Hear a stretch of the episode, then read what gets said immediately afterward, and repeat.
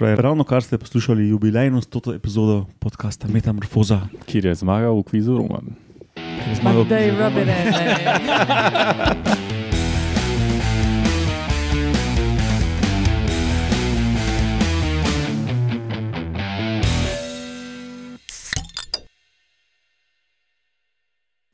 Lepo pozdravljeni, poslušate 100. epizodo Metamorfoze. Najprej si bil kot duhovnik, pa se je pa malo spremenil. Pa si bil pa kaj bolj fek, kaj kaj Pa je bil pa kot duhovnik, ki ga je nekdo ugriznil. Uh, ja, to je to. Evo, 100. epizoda Metamorfoza. Prilezli smo do tukaj, tri leta pa pol, nekaj takega smo rabili. No, pa da nas najprej predstavim. Um, tukaj smo klasična zasedba, ki smo tudi večino teh stotih oddaj oddelali. In to smo Alenka Rozman, Žujo. Laura Rozman, Živijo. Roman Luštrik, A živijo. Urša Fležar Hej. in jaz, Matjaš Gregorič.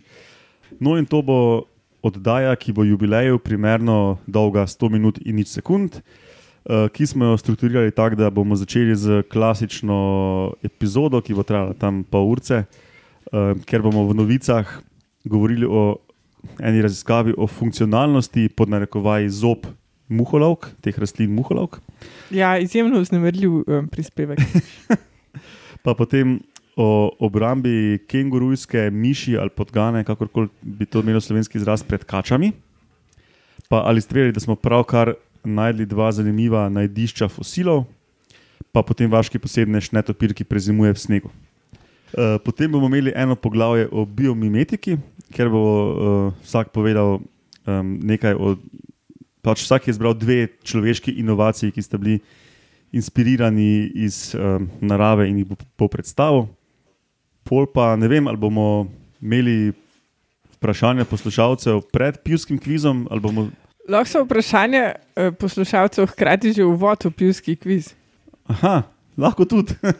no, skratka, pivski kviz, ker pa smo spet vsi pripravili nekaj vprašanja in bomo en drugega izpraševali. In, dragi poslušalci, lahko tudi z nami pijete, ker če ne oganete, morate piti. Ali pa če želite piti, mi bomo pili. Če uganete, pa tudi morate piti. Ker, uh, ja, kot vedno povemo, je metamorfoza um, lahko ten pogovor o pivu in drugih um, omamnih pijačah, tako da je pač primerno, da je za to epizodo kaj takšnega. Uh, mimo grede, metamorfozo prijazno gosti Metina Lista, brez njih sigurno ne bi do tod prilezli. Um, ob tem tudi pozivamo vse poslušalce, da um, donirate, kaj če to zmorete, ali celi mreži Metina Lista, ker so še drugi podcasti, druge znanstvene vsebine, um, ali pa tudi samo nam, pač z pripisom v subjekt uh, za metamorfozo ali kaj takega. Um, ja, pa da še vam povem, kaj smo že v štetih teh 100 minut in nič sekund, ne? Uh, številke. Ja. To bo za Slavkota. Zdravo, Slavko Jarič. V stotih oddajah Metamorfoze smo izdali, ne posneli, izdali eh, 4026 minut pogovora, to nanese na 67 ur, 6 minut in 10 sekund. Pa nekaj pa je, no? Nekaj pa je. Um, no, in iz tega že um, malo nakazuje, da je malo več kot pol ure poprečna epizoda dolga. ne, in- Zvezdno nas lahko poslušate tri dni, dan in noč. Ja, um, brez spanca. Če bi vzeli povprečje, povprečno epizodo, ne, dolžino, um, če bi vzeli aritmetično sredino, bi bilo 39,8 minute, medijana je pa 36. tako da 36 je tista točka, od katere jih je pol krajših in pol daljših. Um, najkrajša je bila 21 minut, to mislim, da je bila Špela Goričke, ko je razlagala o njeni raziskavi okoljske DNA za detekcijo človeških ribic. Najdaljša pa ravno človeške ribice pred to stoto, ki je imela nekaj čez 90 minut, no ta stota je pa pač najdaljša izmed prvih 100. Mimo grede, preden začnemo, um, Roman in Urša imata danes enake majice z motivom risa. Lahko kaj več o tem poveta v mikrofone? Je pa danes en poseben dan, no? tako da lahko mogoče otvorim na današnji dan. Uh, Kjer ga leta?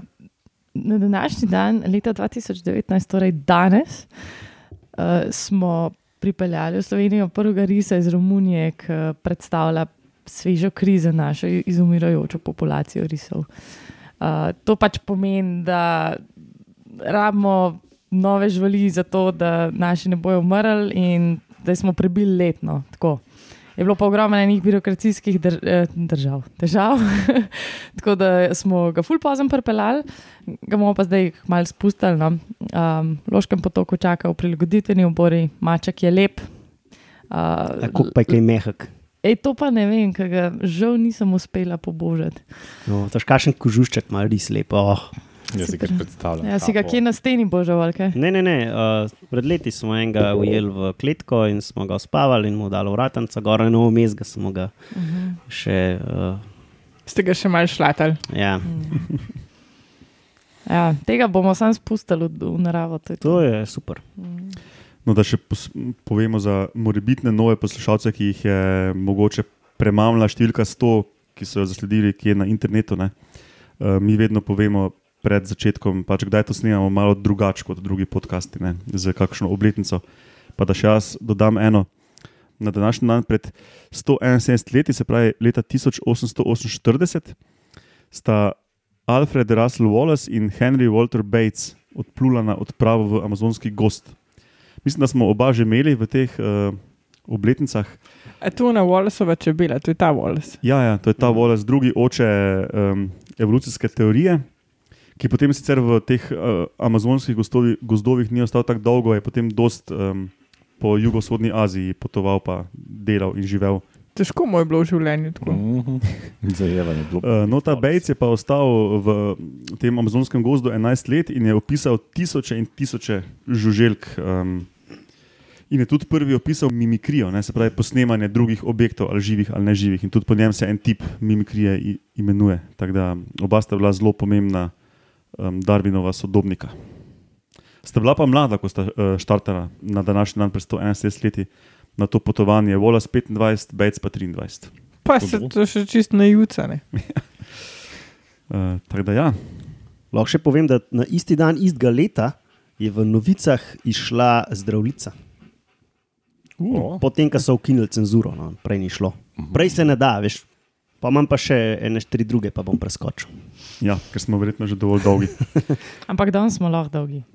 Ja, ampak ne preveč, ker bomo mogli preveč rezati. Ne.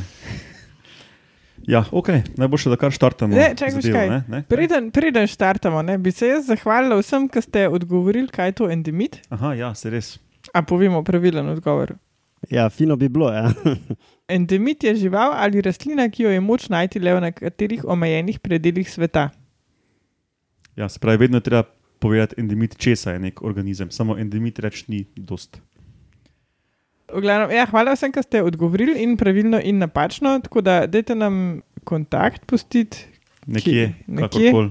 uh, in najdla vas bo naša značka. Ok, zdaj pa res štartamo zadevo in odpremo še eno pivo.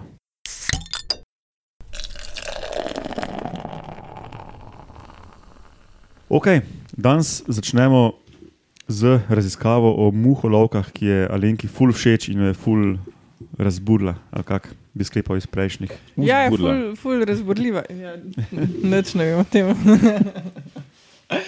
ful zanimiva raziskava. Muholovko poznamo, ne? To je una. Um, Dionemus cipula. Ja? to je. Ja, zdaj to je poslušalcem ful več povedalo, kot muholovka.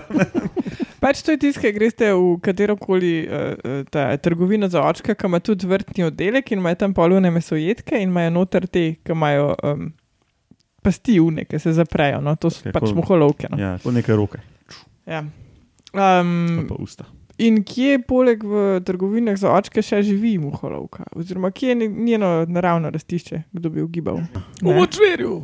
Ja. Ja, Kje? Koseški bajer. ne. Ne. Kosejski bajer, mogoče, ampak Ja. kosejski bajer pa ne. Severna in Južna Karolina, subtropska mo- mokrišča so njen dom. Kako lovi, to valjda že vsi vejo. Ne, ne, Ja, vejo, ja, to kako je. vemo. V glavnem, oni listi no, imajo take kucine, to smo tudi že enkrat imeli. To smo imeli v metamorfozi Roma, Ja. ja. se zihar vse spomni. Ker če jih poščegetaš večkrat zapored, pol se ta past sproži. Ja. ja, no, in tokrat so se um, raziskovalci vprašali, zakaj so pa te zobci pomembni. Se pravi, te zobci na koncu lista. Ja, na Mhm. koncu lista.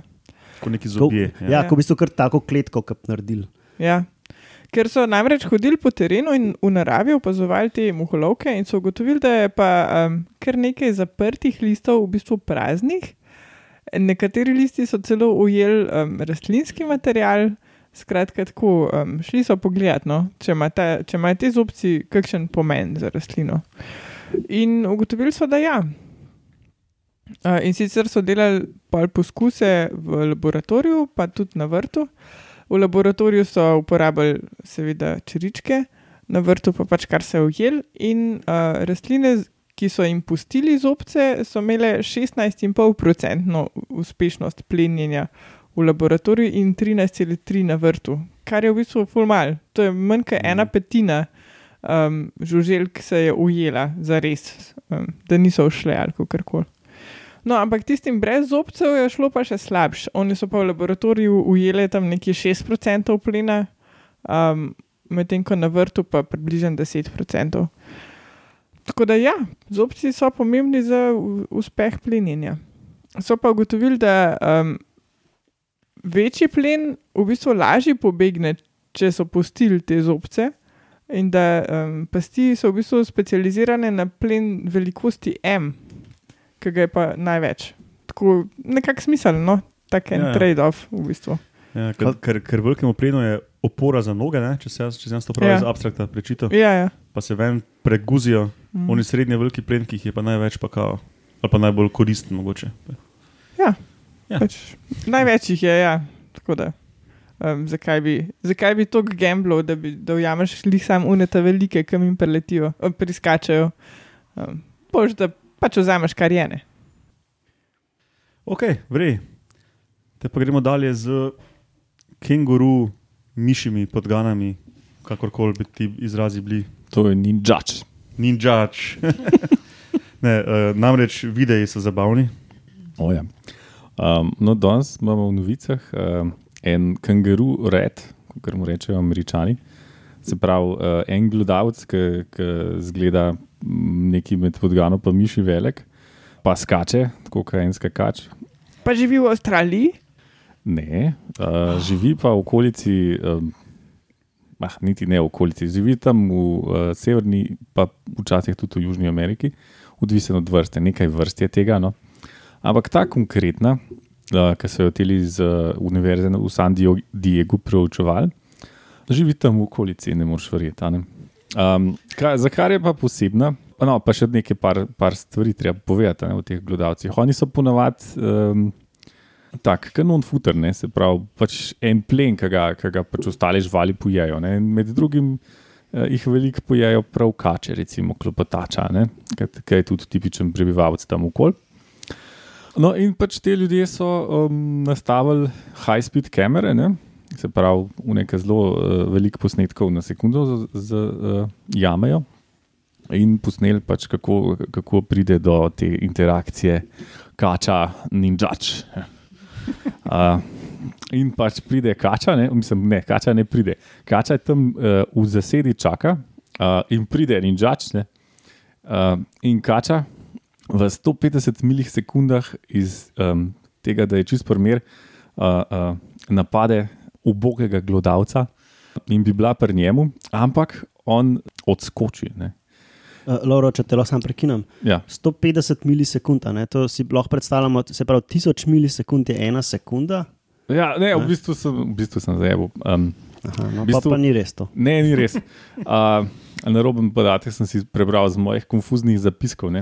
Tlele piše, da človek pomežikne v 150 mhm. milisekundah. Klopotača tipično doseže plen iz mirujočega stanja do plena v 100 milisekundah. Mhm. Uh, ta podgana, ne, uh, ni džač, torej, pa uh, reagira še hitreje, um, tipično v 70 milisekundah. Pravi, to, to je pa že zelo na meji tega, kar je fiziološko sploh mogoče. V bistvu. No, da te še bolj. Uh, uh, uh, kaj, oni imajo manjše telo, pa krajša pot zjutraj. Ja, v zadrego spravim, uh, uh, unita hitri, pa celo do 38 milisekund, uh, hitro reagirajo. No, kako koli. V glavnem, te, ki so ta hitri, ne, te čist gladko odskočijo in jih kača niti slučajno ne doseže. Medtem, ko te, ki um, so pa v narekovajih počasni, um, jih pa, uh, pa tako skočijo uh, in v zraku z zadnjimi tacami um, žvajznejo, brcnejo uh, kačo v glavo in odskočijo. Kar, kar vmes med to, kar je Ker med skokom. Na tej točki vam Ja. bom pokazal video tega zdaj. Aha, ja, to sem pa videl, ja. cool. to, nisem pa videl, da v zraku da odbije kačo. Ja, ja, ja. vzadane je v glavo, zdaj v šidu. Čaf. Ja. wow.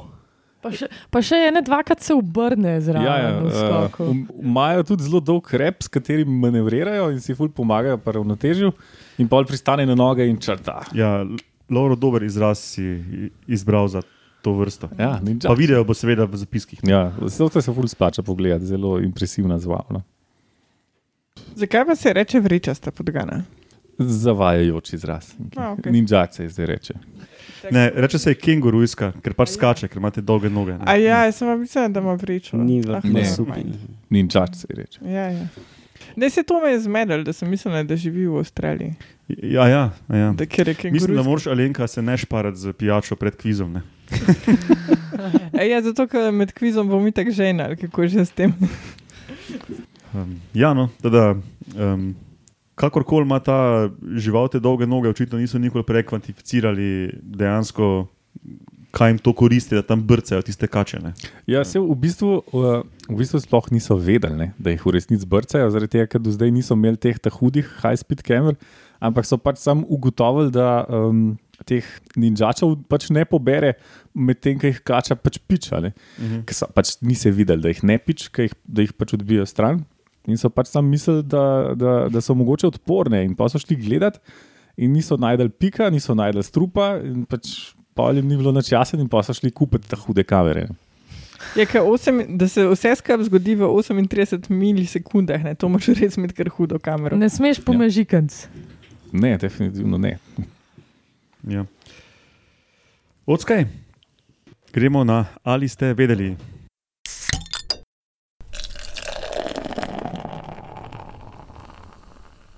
Ok, ali ste vedeli, da smo malo drugače, nimamo neke uh, zanimivega fakta ali pa teme, ampak sta bili v bistvu dve, um, dve zanimivi paleontološki novici blizu skupaj o najdbah, um, o novih najdbah, novih najdišč fosilov. pa bom prvo jaz povedal, um, razložil o eni, pa potem Roman o drugi. Um, ta, o kateri vam bom jaz povedal, se tiče kambrijske eksplozije oziroma kambrijske radiacije. Kaj je to? Ne? Kambrij je tam uh, bil pred 540 do 480 milijoni let in od začetka Kambrija, tam 25 milijonov let, je bila blazna radiacija um, živali. sevanje.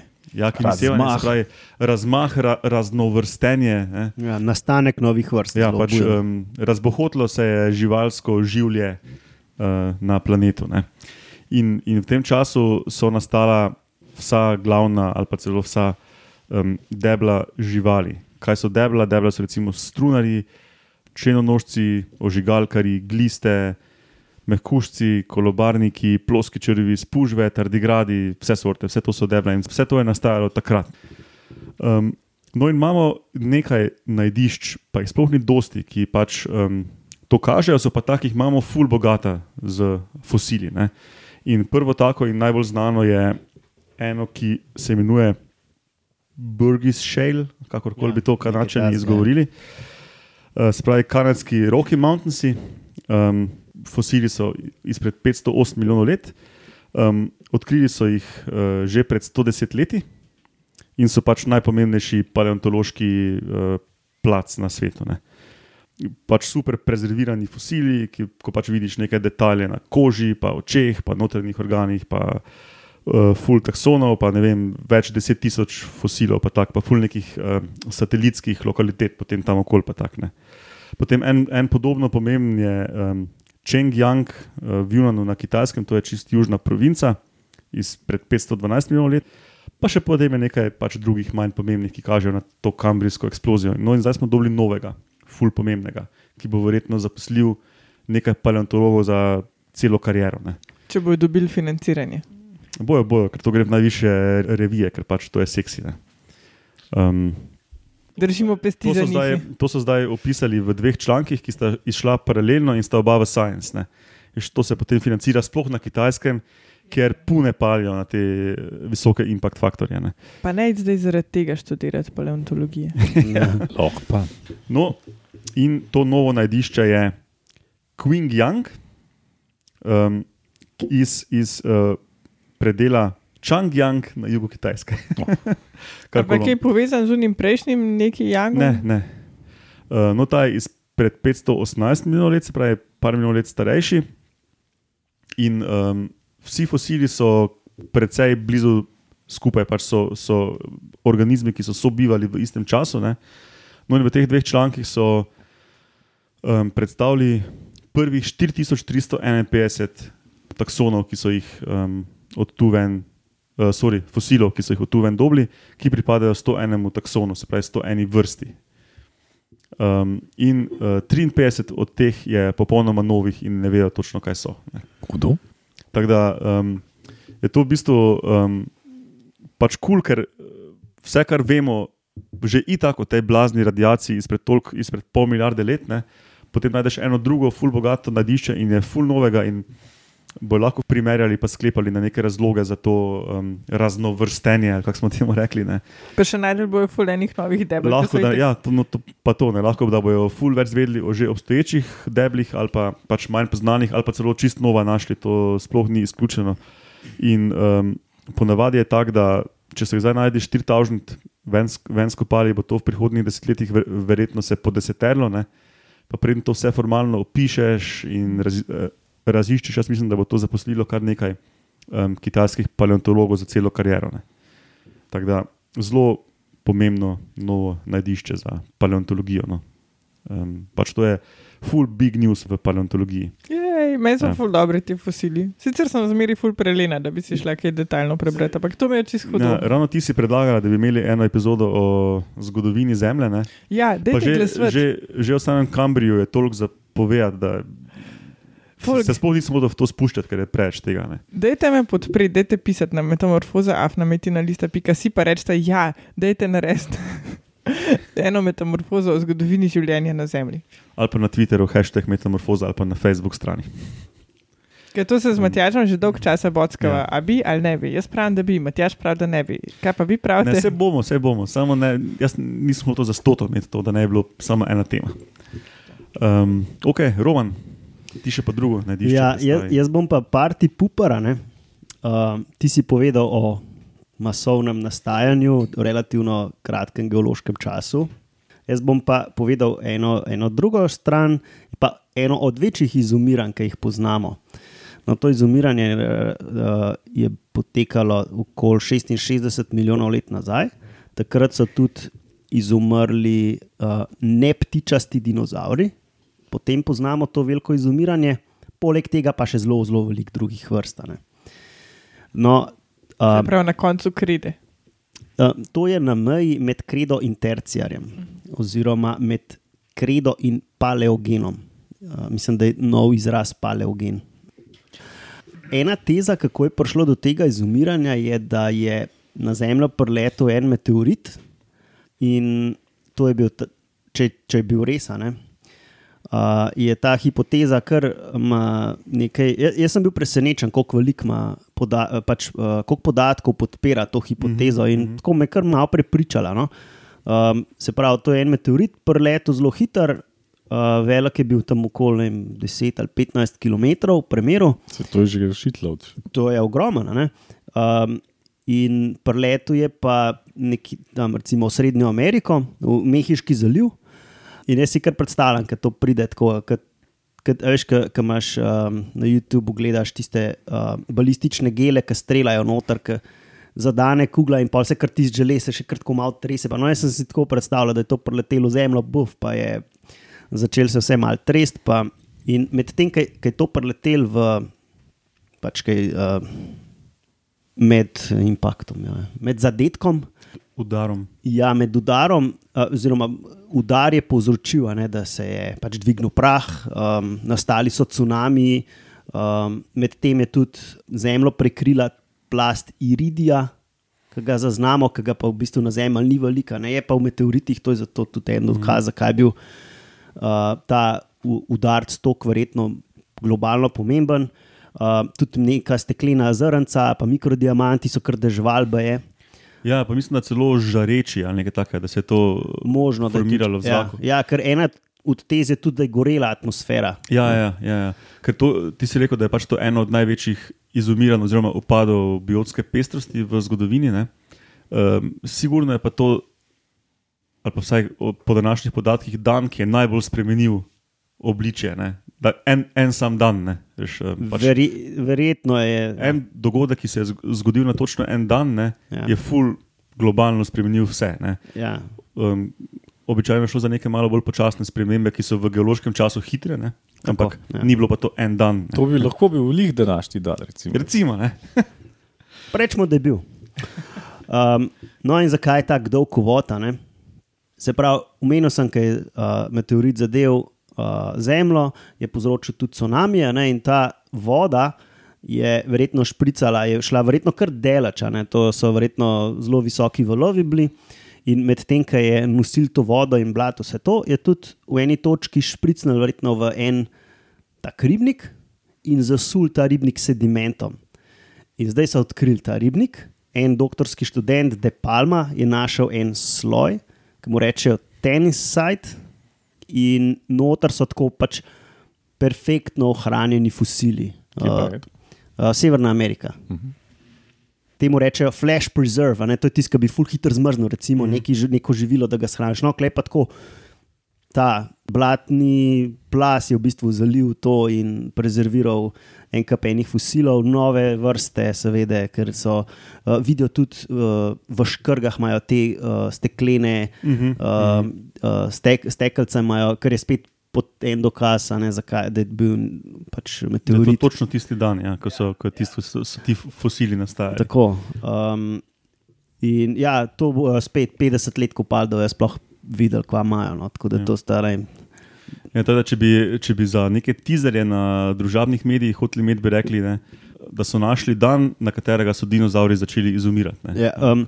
Jaz, to, to verjetno ni čisto res, zato ker sem pol brskal malo o tem in sem najdel en članek, ki so pokazali, da so v povprečju dinozauri začeli že 10 ja, ja. milijonov ali pa več prej To je izumirati. ta debata, ali bi vseeno izumrli v nekem do, doglednem času tudi brez tega. Ne? Ja, o, No, ampak to, je, to, to je pa zihar pač zapečatilo usodo teh velikih. Ja, v bistvu je tako, da med tem izumiranjem je ene vrste, seveda, so izumirale, ene so pa. Uh, šle, na- so se pa diverzificirale. Ne? in Zdaj mm. ta meteorit je pa mogoče pač skenslal raz, vse razen ptičev. ne. Mhm. Mm, si mogoče za- zasledil, Roman, kako je ta Depalma prišel do tega, do te najdbe? Uh, Uh, to sem pa pozabil. no, jaz sem. So, Ne, to, to je bilo, samo o tem razmišljam, a, pa nikoli mi ni jasen pri teh arheologih, pa paleontologih. No. A to oni načrtno iščejo, pa vejo, kje iskati, ali je to vedno neki po naključju in se jim pač userje, kadar se jim userje, da Mislim, najdejo. ja, načrtno iščejo, um, načrtno hodijo po raznih tržnicah s fosili, pa tudi kmeti jih kontaktirajo, ki na posestvih najdejo, ker pač hočejo zaslužiti. Ne? No, in tukaj je bila ravno ta fora, da je en kmet našel te fosile in jih je bilo toliko, da je mislil, eh, to je pa nek brezvezen junk, nič vreden. In je kar podpisal tam neko pogodbo, pa onemu javu, da je pridi to malo raziskati, pa tak ne. Pa se pa pač mega interesantna paleontološka najdba, ko bi verjetno kakšni veliki muzeji ful plačali za, za to, da bi lahko tam izkopavali. Ne. No, pač iz vidika kmeta, recimo. Ampak, no in ta tip je, ta Depalma, ta študent je pač šel tja in je prvo re, res mislil, da to nič posebnega ni, potem pa je le pogruntal, da ošit, oh, ko je te neke steklene delčke našel, pa to, I'm on to something. ne. Tako da je v bistvu tako precej hecno. Romantično. Ja, ja, ja. No, lahko da so si tudi zmislili to, to zgodbo za medije, to zdaj, to zdaj ne vem. Ne, ampak tako so, Diamante imaš v krgah. tak so v medijih pre, predstavili, pač, da je um, tako malo po slučaju. Ja. Ok, smo obdelali fosile, spogledovanje okoli mize, gremo na vašega posebneža današnjega.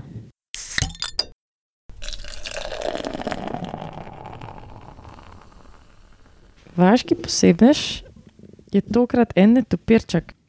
No, tokrat se gre čist za eno tako, kako, kako ti netopiri preživljajo svoje življenje, v, še posebej v času, ko je v okolju nek tak ekstrem pomankanja in mrzlih temperatur, se pravi po zimi. Uh, gre se pa za ene netopirčke, ki nisem najdla slovenskega imena, tako da sem jih pač skladno z našimi uh, ponavadi, kako, kako se tega lotimo, prevedla v usurski cevastonosni netopir. In sicer oni so druga vrsta sesalcev, znana, ki hibernira v snegu. Kjer je pa prva, mogoče kdo ve? Mogoče medo. Medo, ja. V snegu. ja polarni Mhm. medved si naredi brlok, v bistvu v snegu si skoplja in je Se to. tam to. druga skornina. Ja, sej. Let, let je še. No, in jaz, jaz sem v bistvu videla ta nek lušten prispevek za poljudni v National Geographicu, ne, o teh netopečkih, kako oni spančkajo tam v snegu. Uh, in um, v resnici je šlo to za en tak, pač čist proper članek objavil v Science. Ne.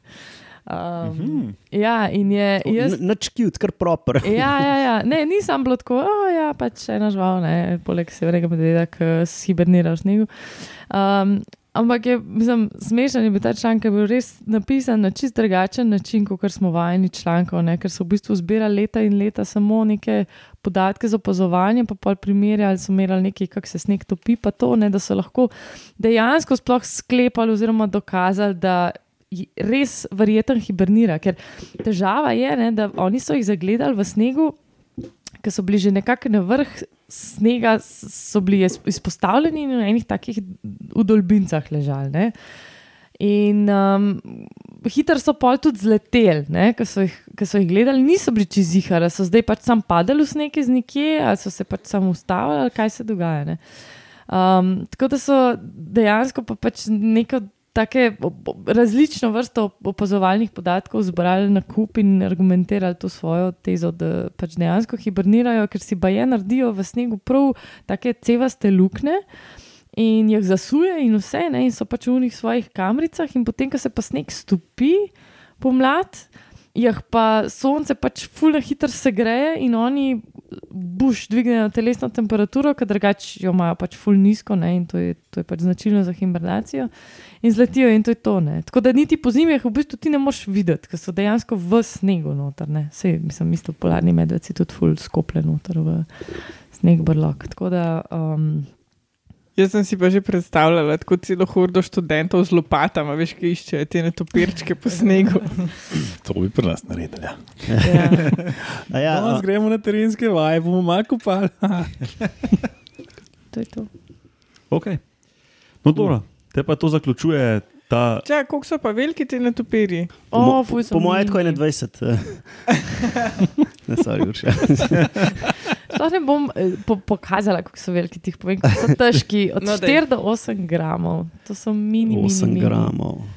A Ja, ni to je tako, po mojem, dlan kot paše. Ja, ni uh, najmanjši sesalec, tista neka miš, uh, 3 grame Neka roka, ni to. ali pa roka. Je Mogoče, da to je, troščanska. ja, ja, ja, da to je zelo blizu v bistvu, spodne meje. Ne? Fule je bilo smešen. V tem članku so tudi analizirali, kako v kakšnih pozah v bistvu hibernirajo. In pol, ali je čist v kroglico, ali je v tako malo odprto kroglico, ali je pa tak C, trup. Ne. Zato tako neke yoga pozicije. ne. Ja, ful, to skrijejo glavo. No, to. Prekrižene nogice in rokice. tako. Iščeš kaj pomembnega za ta segment? Ja, pač o netopirjih sem zdaj najdela, da pač o netopirjih v Sloveniji na uh, društvu. Imajo, da je v Sloveniji 29 vrst netopirjev uh, in mali netopir pri nas tehta 5 gramov in je tako majhen, da bi ga brez težav spravili v, š- v žigalično škatlico. Medtem ko navadni netopir ima pa razpon prhuti več kot 40 cm. No, ok, pol pa to res sklene ta prvi del 100-minutne, stote oddaje. To je bila taka klasična oddaja, običajna, in gremo zdaj na biomimetiko. Zdaj pa podaljške, prvi podaljšek. Prvi podaljšek, evo, evo prvih 15 minut.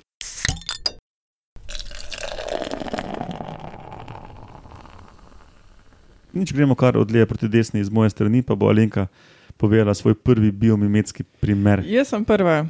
Moj prvi, pri- jaz sem danes. Kaj je to bil, mimetski? Jaz tudi ne. Jaz Ja. to pojma nimam, kaj to pomeni točno ta beseda, ampak sem pa uh, sklepala. Matjaša bi razložil, kaj točno pomeni ta beseda. Ja, mimik, vsi veste, kaj, kdo je. Ne? Nekdo, ki nekaj posnema. Ne?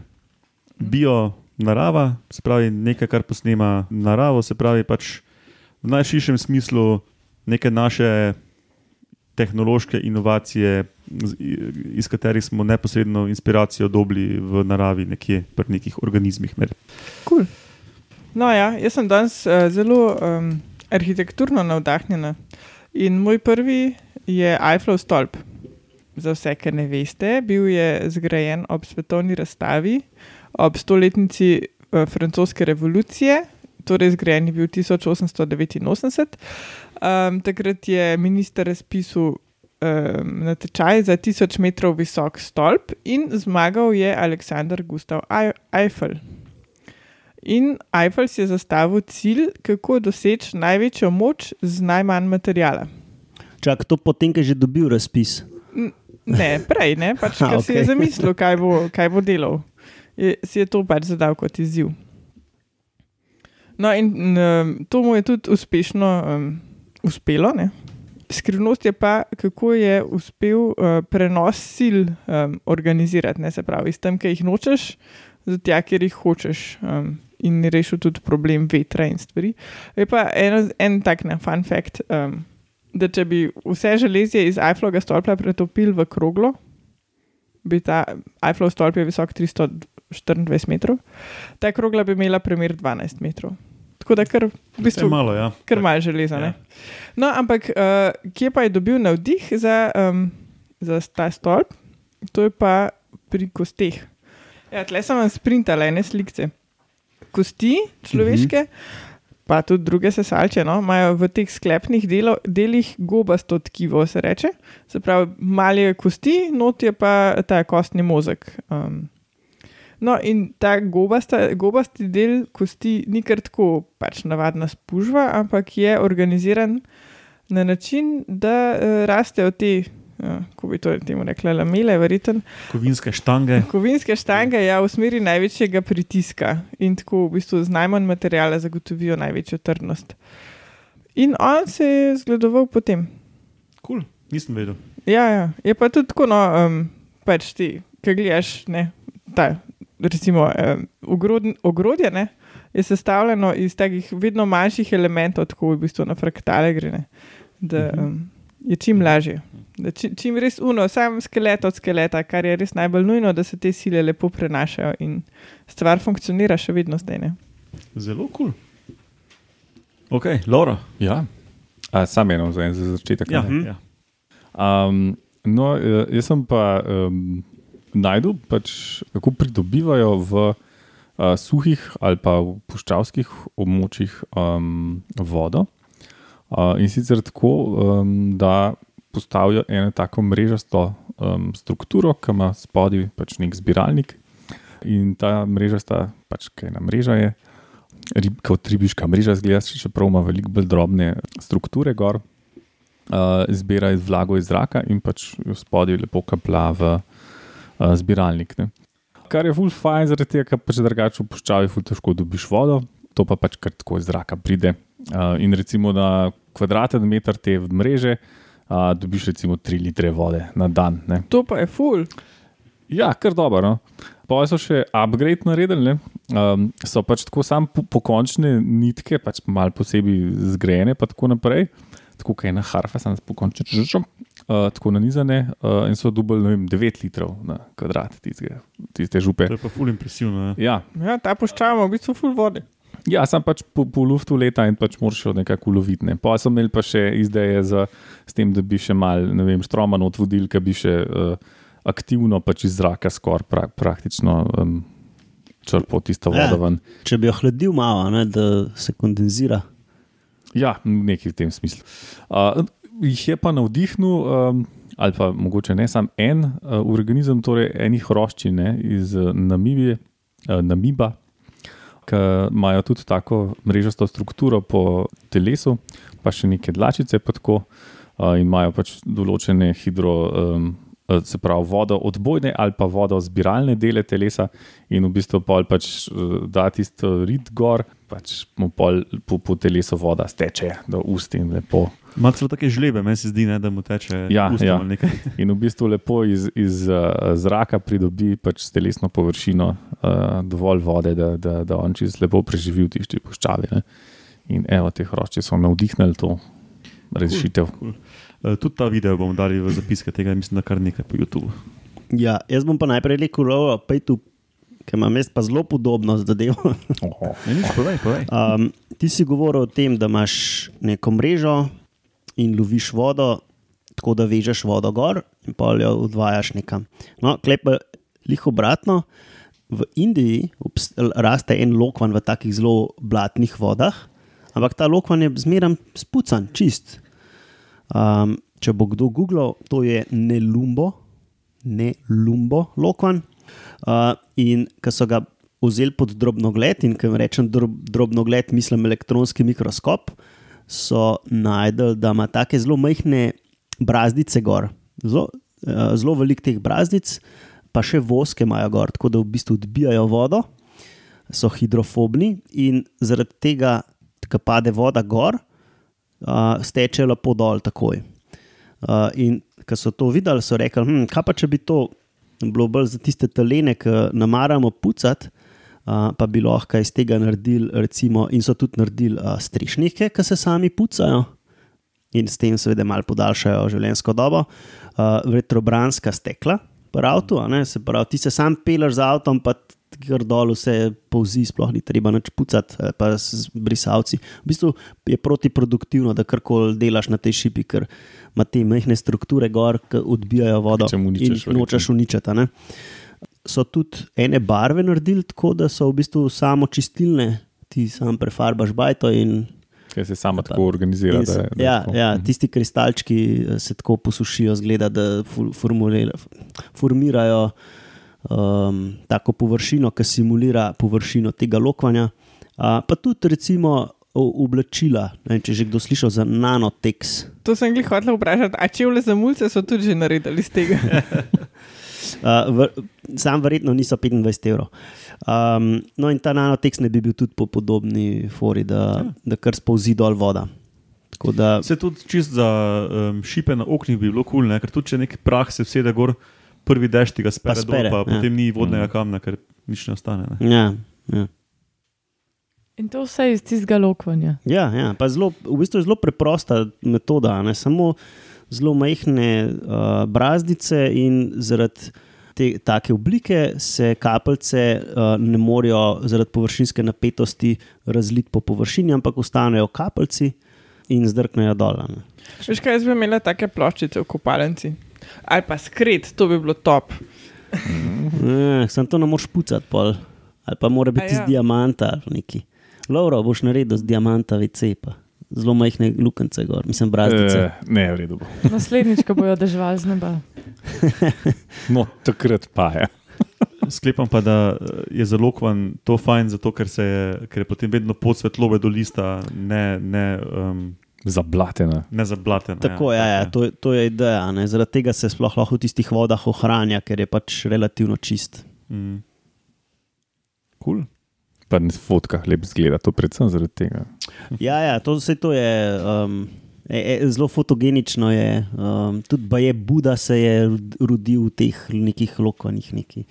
Vidiš zgled čistosti. Ja, ja, ja, neki v tem smislu. No. Urša. Mm, ja, ker smo že glih pri nekih teh gradbenih posegih. Uh, jaz sem pa našla, koliko so v bistvu termiti, eni arhitekti in gradbinci hkrati. Ne. Se vsi poznamo, da živijo v tistih termitnjakih, ki so lahko ogromne strukture in noter imajo. Cel labirint in sistem pač sob, in vsaka soba ima skoraj svoj namen, in tako naprej. Ne? Ampak kar je pomembno za, za to, kar bom pa predstavila zdaj, je pa to, da moramo vedeti, da termiti pač prvič živijo v teh.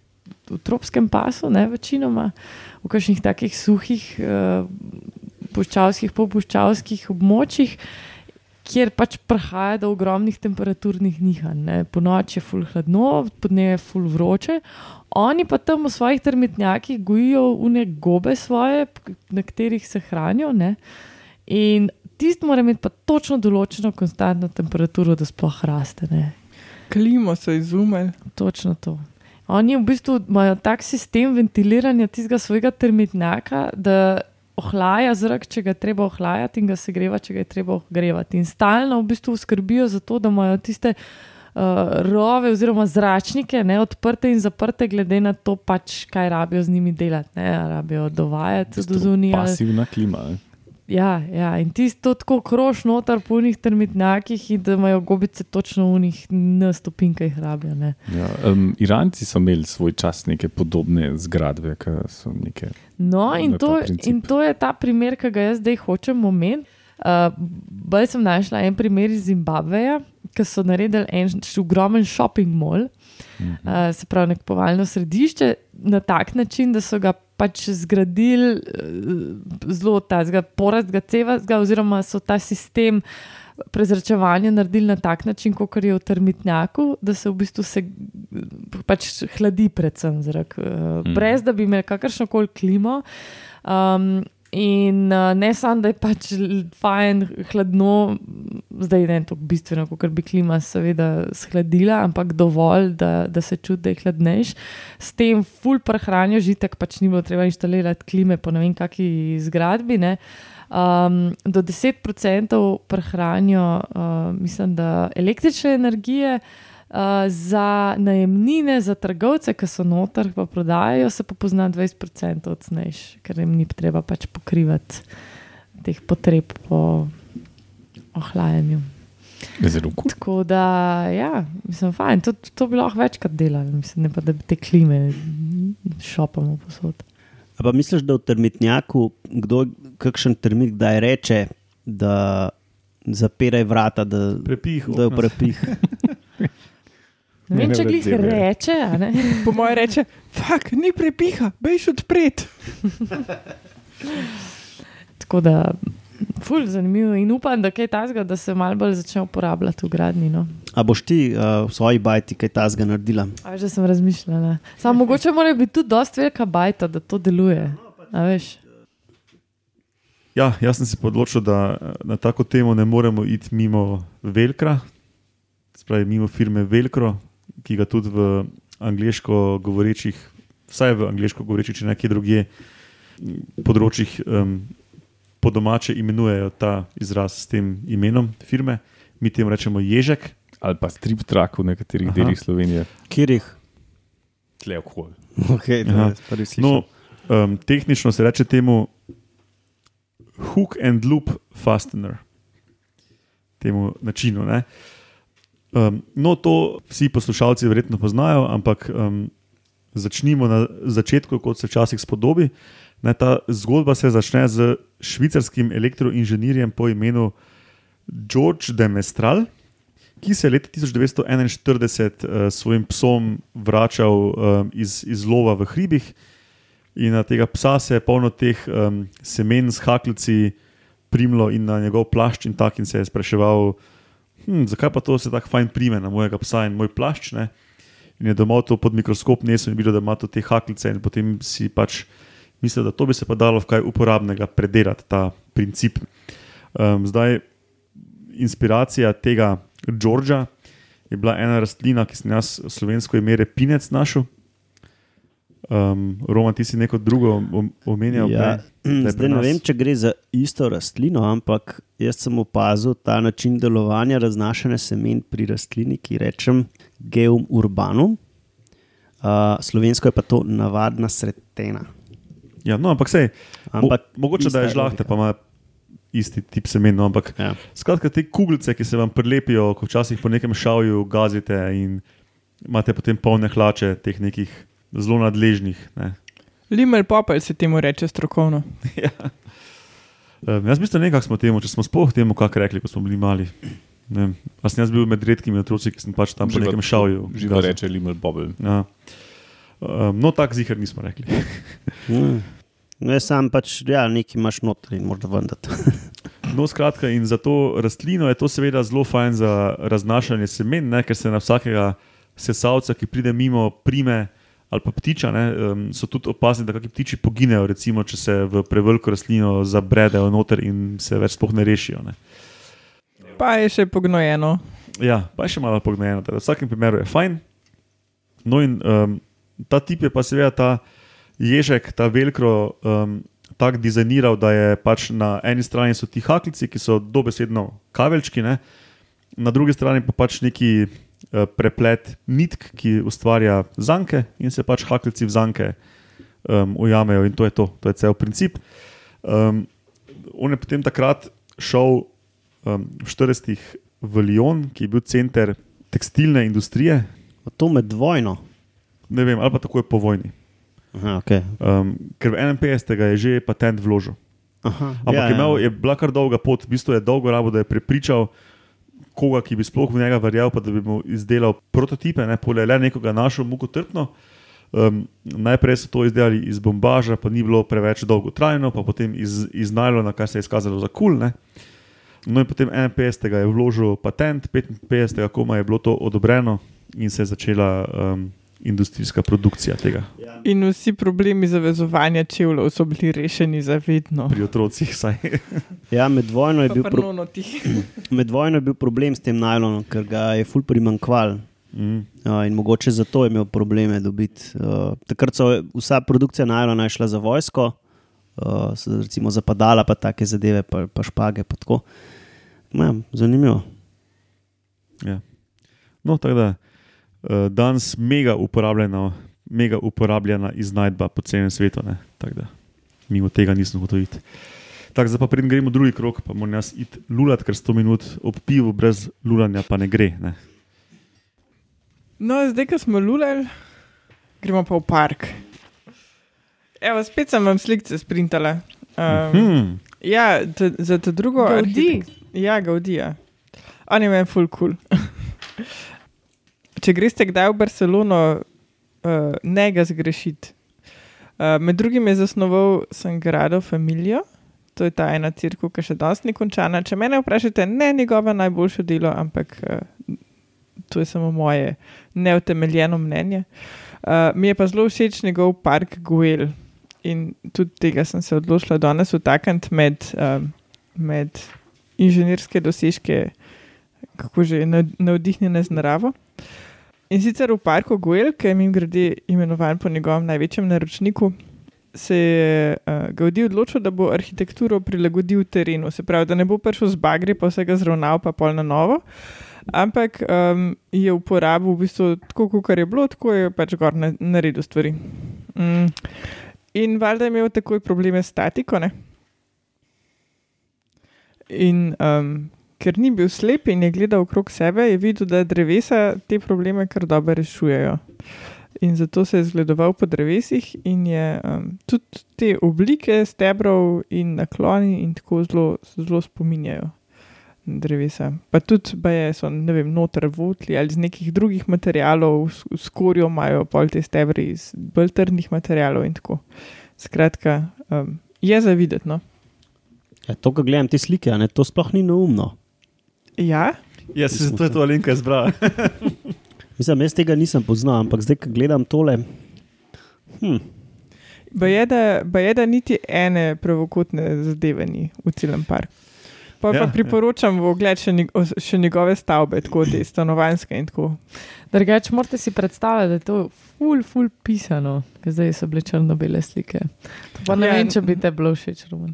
Ne, Pa te so dejansko tako uh, naraven kamen, so te stebri, ki sem jih Saj, naprintala. če tako lepo, pastelno, peščeno, je lahko full fajn. Drugje v parku no, je uporabil pač kerami, odpadno keramiko, kjerkoli um, je najdel stvari in jih je v mozaike zlagal. Mislim, ob tem je imel tudi strokovno pomoč bolj izkušenih mozaičarjev, ali kako se to reče. Ampak zadeve so Muzičarjev. kar- Kaj? Guzičarjev. Muzičar. Za muzičarje nisem zihar, za mozaičarje sem pa krno. Tako da um, je za videti zadeva. No. Lauro, kam imaš pa ti? Aha, um, ja, jaz sem pa najdel um, ene vetrance, um, ki delajo štrom. Ne? Se pravi, to, to je dan danes kar um, pogosta stvar, ne se pravi, postavijo stebr, gor dajo veternico in pol veter piha in uh, dela električno energijo. Je pa tako, no, da te klasične veternice imajo uh, tudi kar nekaj upora, gor, a ne, pa, pa kar glasne so, pa tako naprej. no. In to so pač rešili tako, da so dal, ali pa pač so začeli reševati tako, da, da so dal um, tak nazobčen rob te, te um, veternice ali tega rezila, ali kako se temu lepo reče. In uh, se je pol izkazalo, da, da manj potapa, da ima boljši izkoristek, zaradi tega, ker zrak lep teče čez, ker je manjša turbulenca zadaj in bla, bla, bla, bla, bla. V glavnem, fulbel fajn. So se pa zgledovali po plavuti kita Grbavca, um, ki je pač en zagledal en kip ne, od tega Grbavca. Uh, in je, in je videl, da je tam nazobčena tista plavut, uh, in pol mislil, da je zihar, je taki par, da je jebal, in pol šel gledati, in pol je odkril, da, da, da je to ima pa nek razlog, da je tista plavut tam nagrbančena, ki pač pol boljš gre čez vodo. In pa so to še implementirali na teh vetrancah. Evo. Ob vseh unih vitičnjakih, ki gor rastejo. No, Ja. Um, a si se kaj poglabljal v fiziko, zakaj je ta vetrnica boljša? Verjetno bolj laminaren tok ustvarne. ja, to je, kaj je Linker. Uh -huh. Kaj je tok? Laminaren tok. Pač, da ni toliko turbulenc in Tako je manj. manj turbulence za in je manj zadaj, za- izgub. Um, No, in um, brez da bi se z midva zelo rotom karkoli dogovarjala, uh, imam jaz tudi eno zelo podobno stvar, ki ni, ni tako uh, fizično otipljiva, pa se pa navezuje na to. In to je letanje v formaciji V. Če ste že videli letala, ki letijo v, v formaciji, ste skoraj zihar videli kakšne žrjave ali pa race ali pa labode. No, človeška letala uporabljajo zelo podobno logiko, in z letanjem v, v formaciji uh, se zmanjšuje induciran upor. Zdaj pa moraš spet razložiti, kaj je to. V bistvu jadrajo na valu. Tako, v bistvu uh, za krili se ustvarjajo vrtinci, in naslednje letalo uporablja ene te vrtince, zato da ga še malo bolj gor potisne. V bistvu rezultat je podoben kot pri kolesarjih, sicer mehanizem je drug, ampak ima pa podoben učinek, da z manj energije lahko uh, več narediš. Uh, in eno študijo sem najdel, mislim, uh, poročali so o eni študiji iz leta 1970, ki so študirali ptice in naj bi 25 ptic v, v formaciji lahko letelo 71% dlje. Wow. to pa je šitlot. Ne? Ja.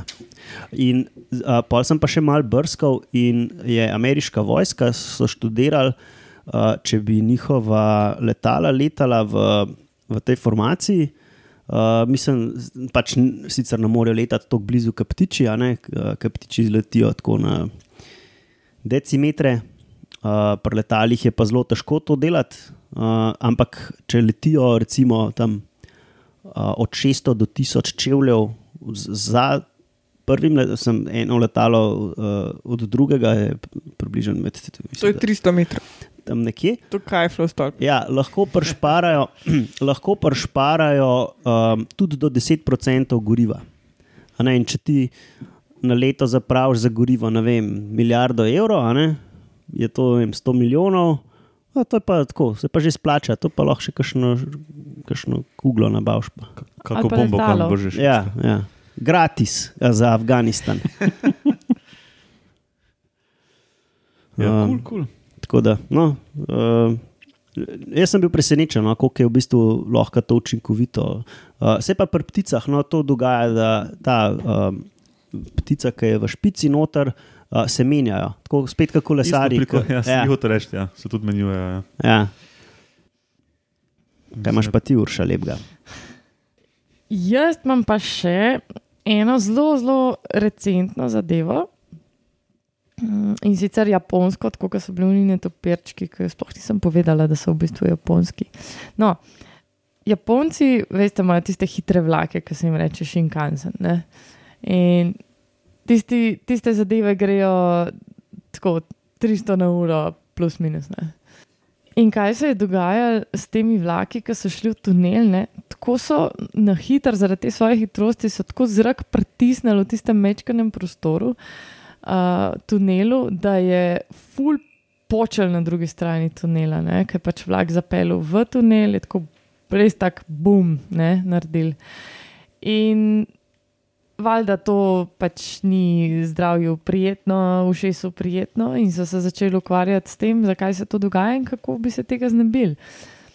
In so se zgledovali po, uh, seveda, po naravi, um, predvsem pa po tem, kako ptiči, oziroma določen ptič, vodomec, uh, zmanjša točno te sile, ki se ukvar, uh, ustvarjajo, ko preleti iz zraka v vodo. Ne? In sicer so ugotovili, da pač ključna zadeva je oblika kluna vodomca, ker on gre s klunom dol, mislim, s klunom naprej, not v vodo, po ribo. Ne?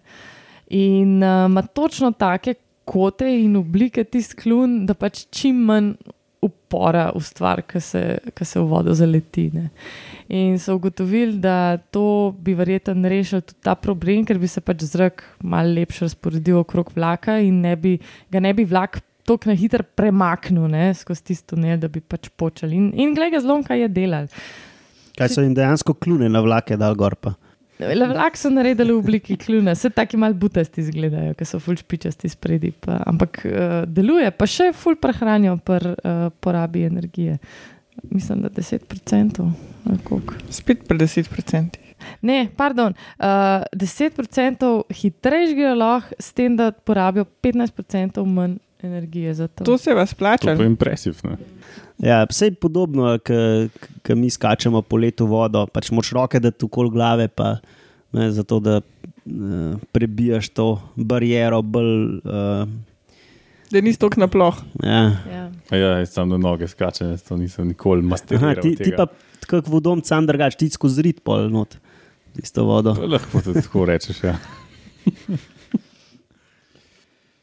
No, ok, te pa še zadnja biomimetska iznajdba. Jaz sem pa šel um, v malo manj znane vode za, mojo, za drugi moj izbor in sem si izbral en članek, ki sem ga zasledil pred par leti, 2015, je izšel v PNAS reviji o robotih, ki so jih inspirirali eni od najljubših živali sploh med um, ljudstvom, ščurki.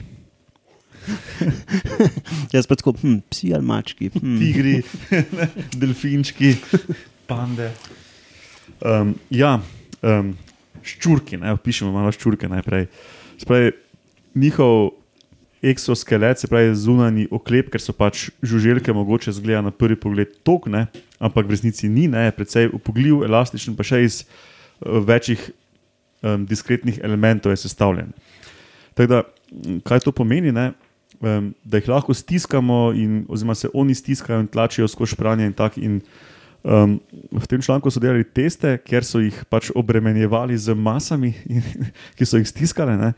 In brez škode prenesejo skoraj 900-kratnik uh, svoje telesne mase, kar pomeni, da če. To pa je impresivno. Recimo, prečunajte si, ne, jaz pa Lauro, ne vem, 90 kg to pomeni 81 ton, ne? da bi mi dva še preživela brez problemov, oziroma malo manj kot 81 ton. Ne?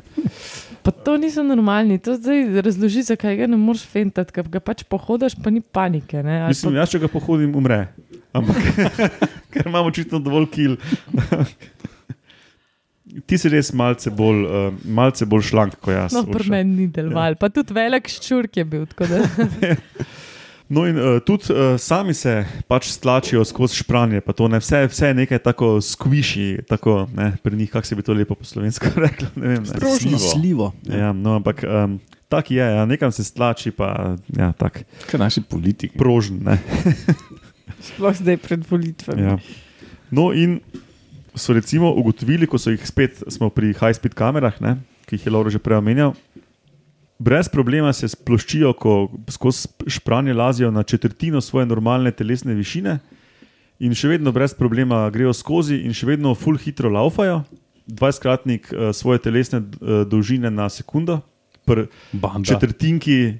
Uh, ko so ful sploščeni, ker pač uh, tudi tekajo drugače, da po drugih delih nog, uh, več ne po, po stopalcih, ampak po kolencih in tako pač vse je nekaj prilagodljivo pri njih, da se pač skozi špranje tlačijo. Ne? In to, te njihove lastnosti so uh, inspirirale te ljudi, da so naredili robote. In robote so poimenovali CRAM, CRAM, kar pomeni Compressible Robot with Articulated Mechanisms. Jaz sem si sicer ob tem mislil, da bi bilo boljše CRAP, Compressible Robot with Articulated Parts. Ampak. Um, no, kakorkoli, robotek z segmentiranim elastičnim oklepom in nogicami, ki so multifunkcijske in uh, imajo stopalce in kolenca, in se to vse nekaj prepogiba. In, ne? in um, že, v tem, že uh, pač v tem članku, kot neki prototip robotski, uh, lahko te robote stisne, stisnejo na polovičko uh, njihove normalne višine um, in še vedno normalno lazijo okoli. Um, um, recimo so si predstavljali, da bi en taki robot, ki bi jih izpopolnili, lahko mogoče nosili ene male kamerice in bi jih lahko poslali v neke ruševine, recimo, da bi Mhm. iskali um, preživele, pač na ta način pokazali, kje je kopati. Recimo, pa tak. um, ta, to se mi je tako kul cool stvar zdela. Pa piramide v nerove, pa to. Kaj, kaj? Pa v piramide Uh, v nerove. Ja, recimo, ja, ja, ja. Arheologi bi lahko to uporabljali. ne. No, tudi ta video bomo dali v zapiske o tem Da sem- Te robotke izgledajo prav luštni. Kot skajne mokrice so. Ja, ja, v bistvu so bolj temu podobne na pogled. Ja, ampak Ja, dobro V Ja. bistvu to bo upgrade od rumbe. ne. Ker greš še pod ja. ja. kavč, Pismo pa pod tat- hladilnik. Pa... To pa ni To neumno. Tudi na kavč ti spreže, pa tega posesa. Ja, ja. Kavč. Kavč namreč. Ja. Um, uh, no, ja, to je to, kaj sem jaz imel tem. Um, ja, no, ok, pol pa to sklene ta drugi sklop, biomimet- biomimetski sklop. Jaz sem se vmes, medtem ko smo se pogovarjali, odločil, da ne bojo vprašanja poslušalcev del kviza, ker jih je v bistvu kar nekaj, pa nam bo to tudi služilo um, Za kot filat. nek mehanizem, ja, da bomo se odločili, kdaj bo 100 minut. Um, pa pač že, že vnaprej se oproščam poslušalcem, da pač vprašanja enih mogoče ne bodo noter, pa jih bomo pač kdaj drugič odgovorili v drugi priložnosti. Se pa v vsakem primeru vsem zahvaljujemo za vprašanja, ki ste jih poslali. Um, pa po mojem najboljše, da gremo kar na, mojo najljubšo, uh, na moj najljubši sklop danes, na pivski kviz.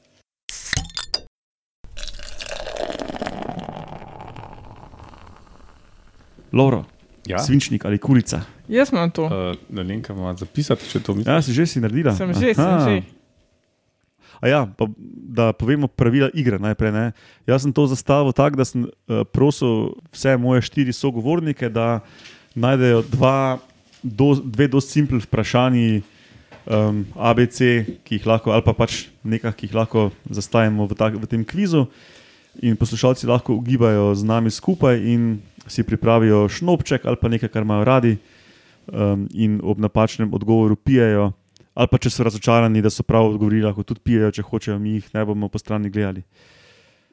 Ja, mi se moramo zdaj tudi pripraviti, štamperlije. Ne?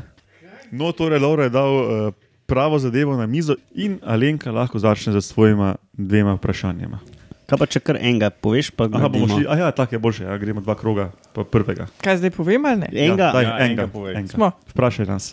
Ali krastače med hibernacijo zaprejo oči? uh, Um, Lauro, ja. Roman.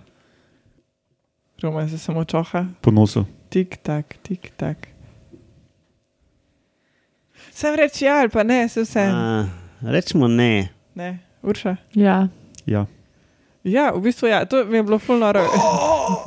High five, Ko, Urša. smo, ko sem bila še eh, zagreta mlada biologinja in sem še prenašala dvoživke čez cesto, so me otroci na delavnici pač vprašali, če žave zaprejo oči med hibernacijo. In takrat seveda tega nisem vedela, ampak pol mi je enkrat med sezono zasnežil um, tiste žabe v vedrih in sem videla, da ja, zaprejo oči med hibernacijo.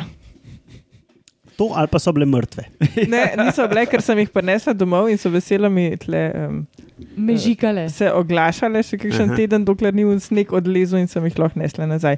Pa smo ukinili to metodo z ukopavanjem veder in smo imeli uh, v naslednji sezoni sam še ograjo. Aha, ker ste ukopali vedra, da bi Da bi se not ujele, podedvala sem pastis to v bistvu metodo. naredili. Ja. Ja. A, torej, um, koliko časa rab lenivc, da prebav hrano? To je tvoja žival, Loro, Ja. Ja, Pa to si ti že imel enkrat, se mi Kaj, zdi. to je ABC ali moramo oceniti, pa kdo je ne, bliže? kdo je bližje? Aha. Ja. Pač nek obrok, ki je pojedel. Pač Aha, pojedo ja, ja, neko hrano, kdaj bo pokal. Ja, ja. V Aha. kakšni enoti ti pa povemo? Ja, kako V hočeš. Roman, sekundah, probi v sekundah. Ja. Ne, to ne, ampak um, A lahko se držite, recimo dnevno. Ja. ja, jaz bi rekel en teden, sedem dni. Okay. Deset dni. Okay. Ja, zdaj tudi brskam po spominu, kako pogosto grejo kakat, pa se ne morem čisto dobro Ja, spomniti. mislim, da so bo enkrat na Enkrat teden. na teden, da sem tudi, tudi rekel v enem tednu. Ja. Okay. Jaz pa pet. Da se ne ponavljamo. Dni. Aha, ok. Uh, jaz sem najdel podatek za 14 dni, tako da Urša, Urša. dobi, Yes. dobi uh, Danes je moj dan. kljukco. ali Ali se ni temu je reče. moja noč. Jaz imam tok pik, kot Alenka, si moraš misliti. Nič. Roman, jaz imam več. Roman, ja. povej. ne. Jaz sicer, na- pri meni boste pa naštel, oziroma vsaj eno žival boste mogli povedati. Se pravi, kaj so to dronte? Oziroma, povejte mi eno vrsto iz skupine dront. Pač kaj še neko drugo ime. Enega predstavnika eh, je pa žival to. te Zihar skupine. nekaj morskega je tam, ki v pesku ždi. No, Urša je prva. Ne? Ja, Urša. Kar povej svojo teorijo. Eni morski povški, evo. Naprej. Čakaj, Jaš.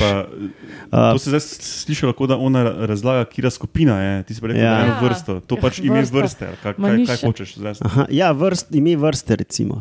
Ja, ampak šans. eni polški, verjetno ni ime vrste. En polžek ni. Ampak ok, Roman bo rečemo, da je ja, polžek. najbližji. Ja. Rečemo, da misli, da je polžek. Okay, uh, kaj pa No, no, ampak jaz bi rekel, da je im- ime vrste velika dronta. uh, mm, Ne, Mislim, to zdaj ne smeš mi reči, ne, ali Jaz se, bom, jaz se bom kar izločila iz tega vprašanja, ker res nimam pojma. Sem pa zadnjič vedela, da dron je po nemško trot. ja. Da, ne vem, če je Ja, s tem kaj povezano. spraševal ampak- po lahkih vprašanjih. ne, ne se, se je lahko. Uh, sej, daj še, Lauro, povej, pa bom jaz namignil. Ena žuža. Ni.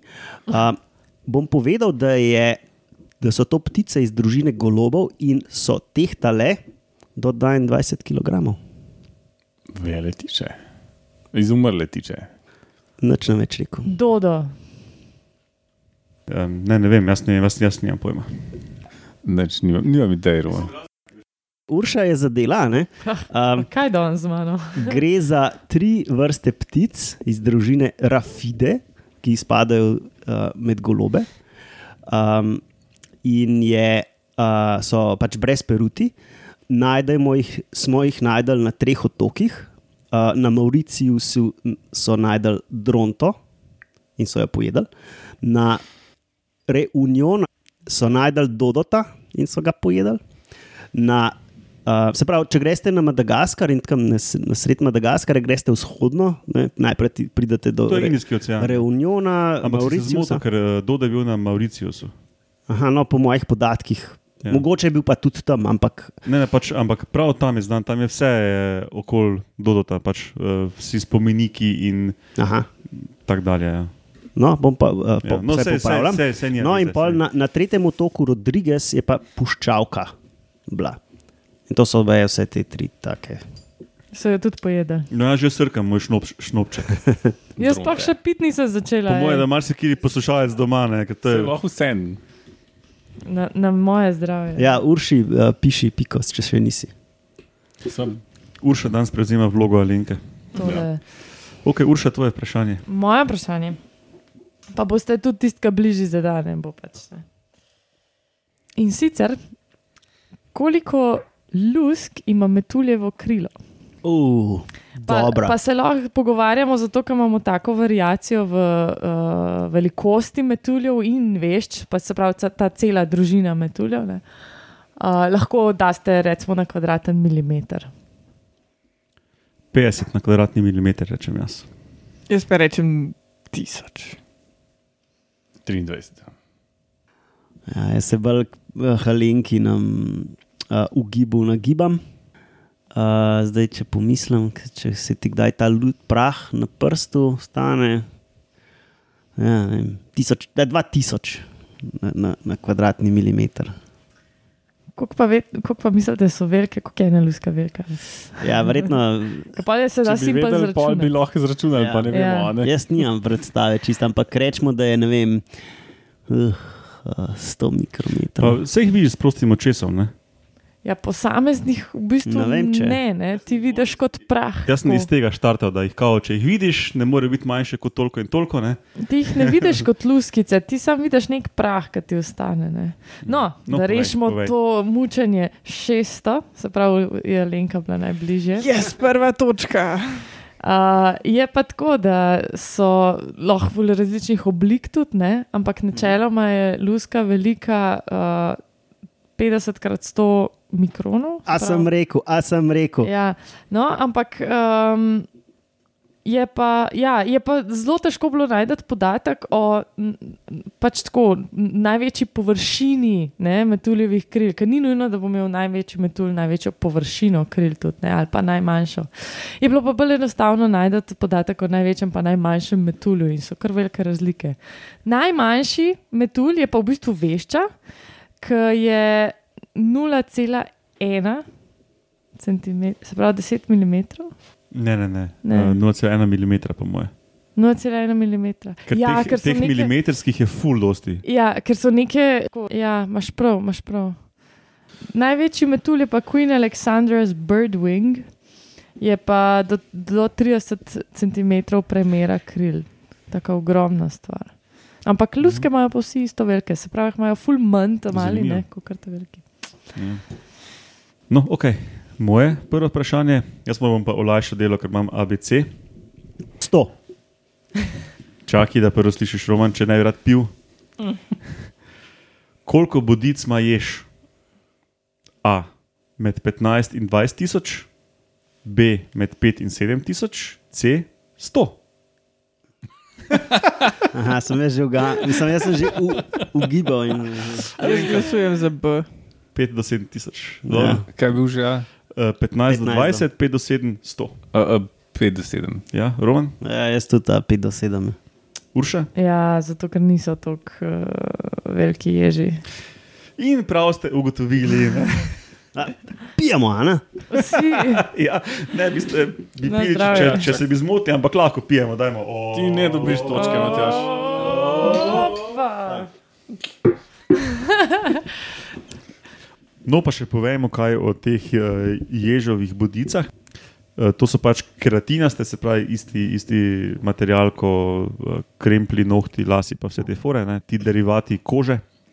Ne odpadejo tako zlahka kot pri onem afriškem ježevcu, ne, ko tam kar najdelaš te dolge bodice, koliko hodiš. Um, so votle, ne, če sem to omenil. Uh, frišni mladiči, ko se izležejo, surprise, surprise, uh, imajo mlečne, če se temu tako izrazimo, bodice, um, še nimajo odraslih, bi se tudi teže skotil s ta pravimi. ne. Um, ampak jih bolj hitro menjajo, tam ko dobro spregledajo, pa to pa z mamo zapustijo, uh, brlogo že imajo um, ta prave. In tudi različne vrste ježev imajo različno dosti bodic. ne. Tako da meni, kakšne puščavske vrste jih imajo manj.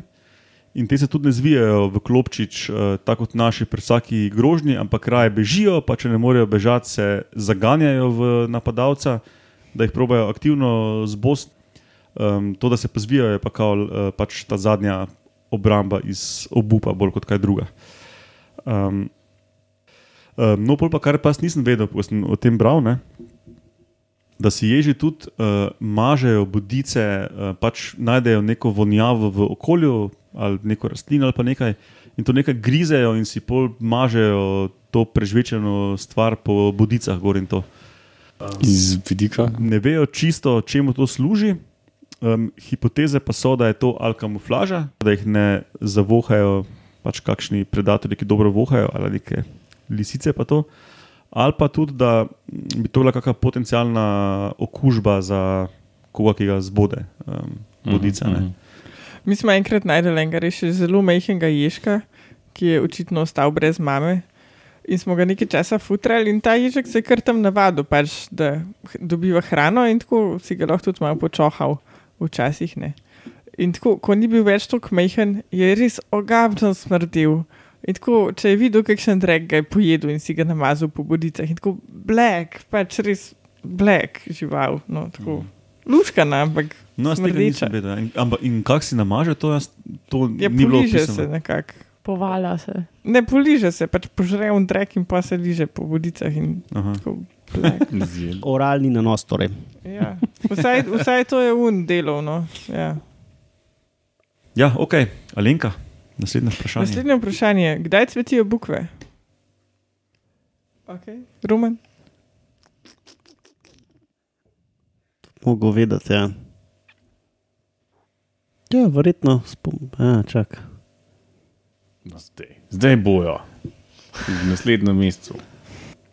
Ja, če je jesen dol, bolj, bolj, bolj polet, brat, junija, ma, ma, konc maja.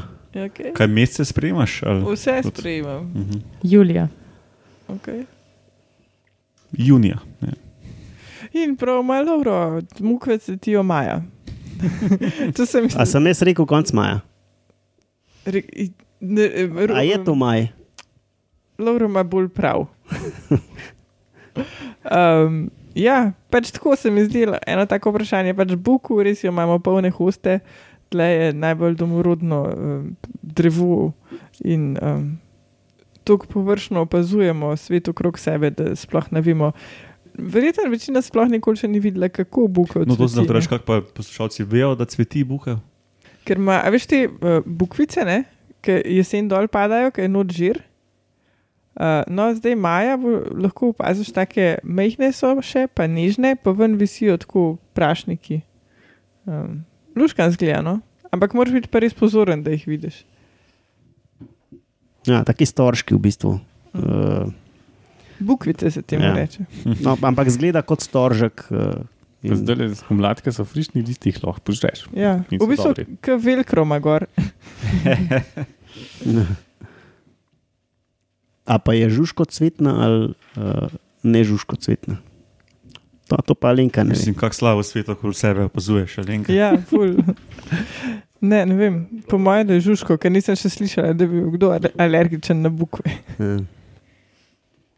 No, um, včasih ne, so bile kakšne vrste um, živali, bolj razširjene kot so danes. ne. Med, med njimi je bil tudi um, recimo lev. Ne.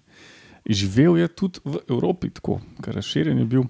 In na neki točki v času je pač izumrl. Uh, kdaj je bilo to? Um, aha, jaz sem prvi. Zdaj, koliko pred našim štetjem? Ali pa Um, našega štetja? nič pred Ja, ja, našim ja. štetjem, po mojem, zato No, ja, ja, no, ampak v pač, Rimu, ali pa v času nazaj. No, so, v Rimu naj bi še imeli uh, neke te leve. Zdaj dvomim, da so jih iz subsaharske Afrike uvažali, tako da so mogli nekje blizu biti. Tako da, tam, ne vem, 2000 let nazaj, 3000, dva- 2000. 2000. Torej. Ja. Okay. Jaz imam eno pod vprašanje. Je Evropa kot je danes definirana ali tako? Ja, bolj- do, do uh, bosorske ožine. Mhm, Ali, uh, Bizanca, no, torej, Mhm. do Bizanca rečemo. mhm. Ja, ker Roman je bil kar blizne. S tem, da takrat se mi zdi, da so bolj azijske še vozili, pa severnoafriške, ne, ki so- ki jih v Evropi že ni bilo več. Čeprav kakšen mogoče še vedno bil. Ne. Ti sem da- letenco reči. 2500, recimo. No. Lepa, lepa. Podmetavaš me, super, super. Se veš, danes mi gre dobro. očitno. Jaz, sem tudi o teh dveh razmišljal, um, ali je par stoletij pred ali pa tam okoli. Pa. Zdaj se gremo lahko na leto natančno, se smo vsi tam nekje. Ja, tem pa jaz rekel, da je kakšen še kje bil, pa me neko 200 našega štetja. Ma ne vem, vem, da so v antiki še bili. Ampak, eh, jaz bom pa rekla, kaj s vem. Da so pred 3000 leti izumrli v Evropi. Ne, to se ne reče izumrli. Da so pred 3000 leti izginili iz Evrope. Ja, Tako bili iztrebljeni. Ja, Aha. No, uh, našel sem podatek, 200 pred našim sto- štetjem zmaga, Roman. Uhuhuhuhu, Za sto let, za sto let sem Urša Sto premagal. let je dosti let. Ja, ja, ja. Mrzkaj se zgodi celo življenje. Mm. Ali pa dva. A takrat, takrat je dejansko bil evropski lev. ja se v Grčiji Ja. ja. še ful bil. Ja, da tam vse na bil, jugu so še Ja. fulbli. Ja. Mhm. Pa se jih pa pač uvaža. Ja, ja. Dobro nam gre tole iztrebljanje. Ja. Mhm. Pite tisti, ko niste. Roman, A Jaz moram piti, a ja, sorry. jaz sem te za vprašanje pozval, ampak da, ja. Um, jaz bom Laurota še enkrat prosil za vprašanje, zato ker mi ga je enega spizdu. Um, Kirega. jaz sem hotel se navezati na te mreže uh, za nabiranje vode, uh Mhm. -huh. ampak je on odgovoril na to vprašanje s svojim biomimetičnim. Kon, z biomimetično-. Ja, kontrapcijo. A, A ker jaz preberem na mestu tebe. No, daj. Okay. Čakaj, samo kdo pa pol odgovor ve, ti ga veš že. Ne, ne, ne, jaz ne vem odgovora. Ne, Roman ne ve, ampak jaz ne bom odgovarjal. A, ker ti nimaš rezerve. Ja, ne. Aha, aha. Jaz sem z dvema prišel, Aha. sleč, da bom vse. Okej, okej. Jaz imam osem rezerv. uh, kateri sesalci imajo menopauzo? Uh, Uh, Dobre. Roman, čeprav poveš vsem, dobiš točko. se pravi, skupino sesalcev, ki ima Ja. Ali pa pač lahko tudi kar, kar približen vrste poveš. No, Aha, vrsta. rod. No. Ja. Aha. Se pravi, homo. Z- Homo, ja, homo, to je, to je ta prvi. Ok, sem zadev, v redu. Ja. Naprej. A imaš še kakšen? Mislim, to, to ne šteje, ne? ker mi smo homo. Ne? Homo šteje, babe pač. No, ja. Lih tuh tam, šimpanzi imajo. Ok, na- naslednji pove. Jelenade. Okay, še kaj? A babe tudi ali ne? Ja, kaj, kaj zdaj? Ja, moramo ja, pač več povedati? našteti moraš, eh, pač za vse, kar misliš, da imajo. Pač lahko so to sam babe, lahko imaš pa tak spisek. Pač. Okay, se pravi, te parklaste zadeve, srnjat, jelenjat, gams. Uh -huh. Za prešiče, ne vem, čisto točno, po mojem, da oni so kar hiperskos. Uh -huh, uh -huh. Um, Še kakšen? uh, pa, ja, zihar je še. Sam za ostalo nisem zihar, tako da ostanem tukaj. No. Ok, Matjaš. Ja, jaz te kopitere se ne bi sam spomnil, ampak zdaj, ko je Urša omenjala, eh, se mi zdi, da sem o tem nekaj čital. Pa zraven nas še pač kakšni ti človečnjaki drugih, no. oziroma človeku podobne opice, kako se temu reče po slovensko. Primati. Hominidi. Ne, ne, ne, primati, primat opiše vse to, kar bi pogovorno opica rekli. To staro okay, skupino, pravi- 60 milijonov let staro skupino, Mhm. uh -huh. ker imaš vse to noter. Se pravi, apes, pol, v bistvu. Hominidi, hominini, no to po moje. No, to je moj odgovor, je bi ga, bo Lauro ocenil, kaj smo, kak smo se odrezali, Alenka. Na vrsti si. po mojem pa gorile. Aha, še kdo? Ne. Okay. Zmaga Roman. Iz razloga, ker je imel najmanj narobe. Vse sem zadev. Ja, pač jaz sem zasledil, ne, pač, da gre za, tle, za tri vrste. Se pravi, za ljudi, za kite grbavce in za slone. a ne. Eh, In Roman je nave- navedel sam babe, tako da pač naj, naj, najmanj dreha je zraven povedal, tako da on dobi točko. tako to je to. Seveda, da mi bo enkrat to znanje prav prišlo. Dobro vprašanje, Roman. hvala, hvala, hvala. Postavil vprašanje in še vedno ne odgovara celega. Ja, ja. Vsak dan. In še dobil si točko za svoje vprašanje. Le. Urše. A Ja, jaz sem zdaj. Aha. Shit. Ne, meni je pa bilo zanimivo, katera od vodnih, oziroma pač vodnih, lahko rečemo morskih sesalcev najdlje zdrži pod vodo. Pa da, se, da, da vam lahko pomagam, lahko poveste, ali kater pač vrsta ali pa saj približen skupina, ali pa uh, poveste, koliko časa mislite, da to je, ali pa oboje. Ne, saj. to je to. To zato mi za noben ne pozna vrst. Ne, se pravi, skupina. Lahko je skupina, Razen če je pajk. Ne, ja, ne, ne sesalci so neki. La- Skupina ali čas ali oboje. Ne. Kit glavač. Nisem tudi hotel tega reči. Ne, hicam se. Jaz pa za, um, za sinjega kita glasujem. Uh, jaz sem tudi za glavača. A, a moram vrsto kita povedati, da sem reč en od teh zelo velikih kitov, ki grejo. Aha, pa še, pa še, pa še, uh, Če tereš. prosti. pa še dve ure pa pol. Nice. Roman. Ne, ne, rečem- šteje, ne šteje veliki kit, ne, ker, to je pač, Eden zelo, ve- en zelo velik. ker to je pač vse, za mene je vse to veliko. Veliko je zelo relativno. ja, še. Um, ampak, Ja, ja, recimo- ok, pa bom pa rekel, ja, tam okoli dve ure, ki gre en kilometr, gre dol, pa tiste kalamare dol lovi. Uh, re, to bo moj odgovor. A to je to, kar boste ugibali, bi kdo še kaj dodal. Uh, zmaga Lauro. Oh. Pa ne zato, ker se je za vrsto uganil, ampak ker je bil s časom najbližje in ker Aha. tudi edini pač, eh, čas nekako omenil, tako konkretno. Ti si rekel Razen. Roman, ki je rekel dve ure. Ok, sorry. ro- je Drugač pa je edini. Čakaj, ti si pa rekel dve uri pa pa pol. pol. Ja. Sam da jaz to malo preračunam, 138 minut. Kaj bližje? Ja, Yes. jaz. Ne, jaz. Ne, Lauro. A ja, ja, lik za tri minute. Ja. Ja. Jaz bi rekel, da lahko oba dobite te piko. Ne? Če sta se oba pri pol, vrstah vsak zmotila. pol. Okay, okay, vsak eno piko je fair. Ja, Ja, jaz sem moral tudi eno celo napisati, ne morem pol V napisati. redu.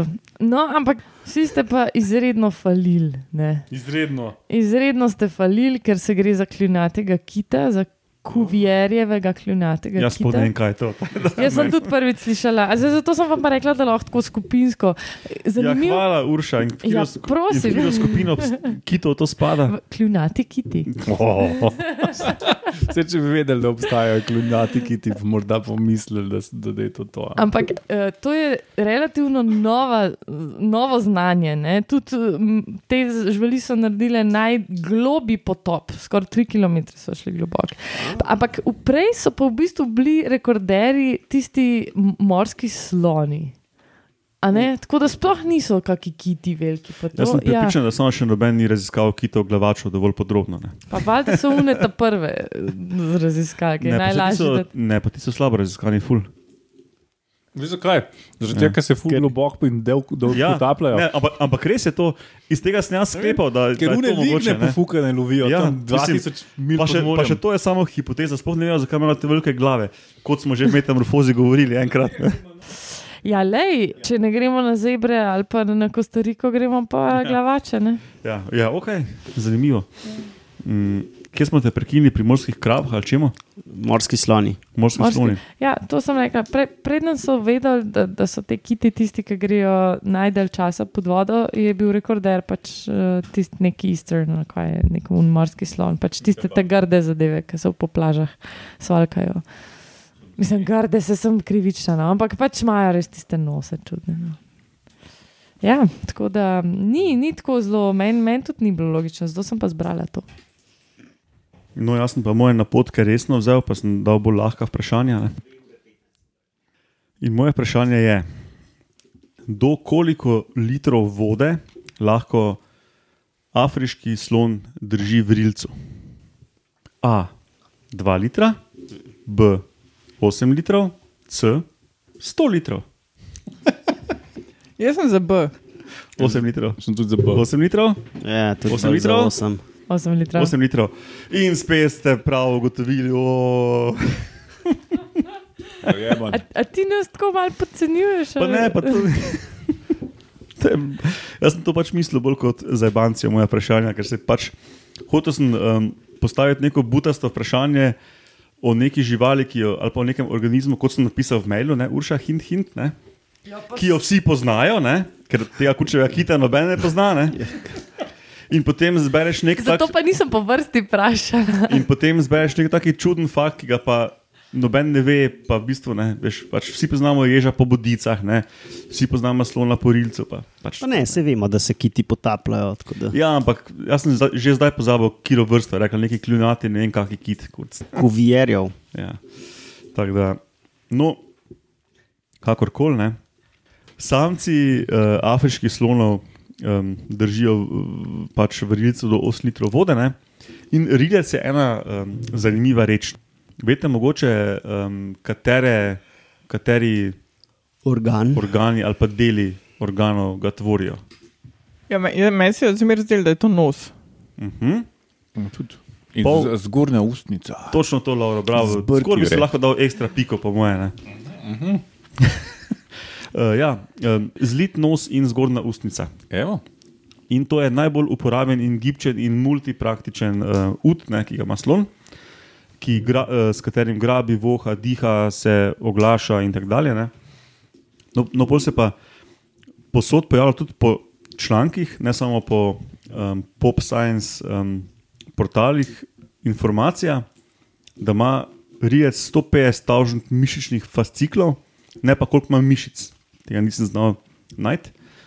Mišični fascikl je pa oni tulec mišičnih vlaken, ki je obdan z eno ovojnico in tvori mišico. Ne? Ampak to itak gre po teh nivojih še ful. No in ja, um, rijec je ena sama mišica, zelo malo ima maščob, na koncu ima dva prstasta izrastka za prijemati. In um, lahko se recimo popraskajo po očesu, kar dejansko delajo, Pa po jajcih, verjetno. pa pojaci tudi to, sigurno, spoče jim hlače, malo tako stisnejo, čudno. Orešček strejo, recimo, ne? po drugi strani pa dvignejo do 350 kg. Ta, to je res, Lepa. res kul cool organ. Ne? Baje, baje, da lahko s šivanko poberajo. Tako. No, Da je to je, natančno. Ja, ful so, ful so um, Tudi um, multi- ful je ra, raznovrsten, pač ja, multipraktik. ne. Ja, Pa, pa slišiš tudi zanimive oblike že za kotlete, veš, tam ča, No, in celo poseben živec imajo. ne. Tada, evo, to je to. To me spominja na eno serijo vicev o slonih. Pač, ki se začnejo, zakaj ima slon tako veliko glavo, ki ima not boiler, ne, pa zakaj ima pol slon dve luknje v rilcu. Eno za toplo, pa eno eno za hladno vodo. Zakaj se slon rdeč svetijo oči, Ja, ki se greje. ki ima boiler podžgan. Ja, ok. Pol pa je to, to za ta kviz, Laura. Ja. Seštej.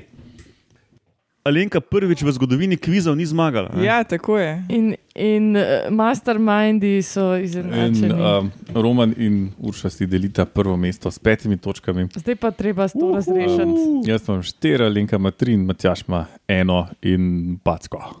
Ej, jaz, jaz si ne Ampak packa delim, je kar vredna. Ne? Packa je zelo vredna. Jaz si ne delim mesta z nobenim, tako da to je treba Aha. zdaj razrešiti. Ja, No. pa pa Urša je druga, jaz sem prvi čitno. Ne, ne. ma- Saj imamo dodatno Imamo vprašanja poslušalcev. Jaz imam še nekaj tako. Jaz jih imam tudi še nekaj. Ne se Urša lahko prva. Pa. Kaj, pusi? Tiebreak, tiebreak. Lahko se pa tepava. Pa Čakaj, Laura, čakaj, opa, najprej moraš obema naliti štamperli, ne? Jaz sem res. ker zdaj je to tiebreak in zdaj gre za res. Pa žrebat moramo, kdo prej odgovarja. Ja. Uh, Matjaš je pripravil palčke, dve uh, domnevno enako dolgi, ampak bova Čakaj. z Uršo potegnila za vsak konc. Da, zdaj- daljša prej odgovarja ali krajša prej odgovarja. Daljša prej odgovarja, ker pač dolgo imamo radi. potegneš, ne? Mhm. Okay. Jaz bom zihar takrat, ko dobila. Ja, ja, sej, sej to je bilo, to je bilo znano. ne. Ok, Laura, Okay. Nekoč je bila svetovna vojna, ne? gre za drugo. Pol so prišli, um, ki so bili Axis pa Allies, ne? Allies so prišli z, z avioni, To so ta črni pa ta beli. torej američani, ne? nad Berlin z avioni. In so fuknili pol, pač, ki so šli v V formaciji, jim je ostalo še za kakšno bombo, in so fuknili eno dol. In ta prva bomba je za- zadela Živalski vrt. Aha. In v živalskem vrtu je umrla katera žival? Gorila. Roman prvi ugiba. Če je že rekel živalski Se, vrt. se, se že živalski vrt sem zadeval, tako no, za- bomba. Zato dobi že pol točke. Okay, uh, prva žival, ki je umrla. Um, tiger. Aha, Urša. Se sem že rekla. Kaj? A Gori- gorila. Gorile. Okay, zmaga Roman. Uh, umrl je slon. Oh, Za pol točke. Ampak- Ampak ti si uganil, da je šlo za živalski vrt. Tako da pet pa pol. a je sploh to bilo namenjeno vprašanje? Ali je bilo, sa, a si hotel to itak povedati, pa sem za žival vprašati? Hotel sem vprašati za žival. Pač. No, vidiš, in ti si kar nekaj rekel. Ja. To sploh ni bilo vprašanje. Ker so pač sodniki mnogo krat v športu nefer, ne? Kako je to ne fair? Klinc vas gleda. No, ok, um, to je to, kar se kviza tiče. In zdaj, ko gledamo števec minut, nam je žal zmanjkalo časa za odgovore poslušalcem, ker pač um, jaz ne vstopam od tega, da bo to dolgo 100 minut in nič sekund. Tako da bomo kar zašpili to klobaso, kot radi rečemo, in povedali avtro. Spravi, ravno kar ste poslušali jubilejno 100. epizodo podcasta Metamorfoza, Kjer je zmagal v kvizu Roman. Ker je Ma zmagal. daj, Roman. in. ej. Ne uči. Uh, ja, Jaz se spomnim, da je enkrat Turčija zmagala. Ne, A nisi? to si sanjal. A ja, okay. Kaj pa ti sanjaš, Laura? Pa jaz Pa sem 200 ti predlagala. ne. Uh, ja, no, kakorkoli kot rečeno, Metamorfoza ima svojo spletno postajo na medijskem mreži Metina Lista. Če nas hočete kontaktirati, uh, lahko vseh pet nas dobite na e-mail metamorfoza.afnametinalista.si. Um, drugače imamo tudi Facebook stran, kjer objavljamo tudi druge stvari, ki niso povezane nujno s podkastom, so pa o biologiji organizmov. Um, na Twitterju nas dobite pod hashtag Metamorfoza, tam je Roman pod Etormunov, Urša neaktivna, ampak je pod Ed Gozna Jožica in jaz pod Ed Matjaž Gregorič. In to je to. Upam, da ste se imeli fajn, da ste kaj spili in do slišanja prihodnjič. Hvala. Ja. Ja.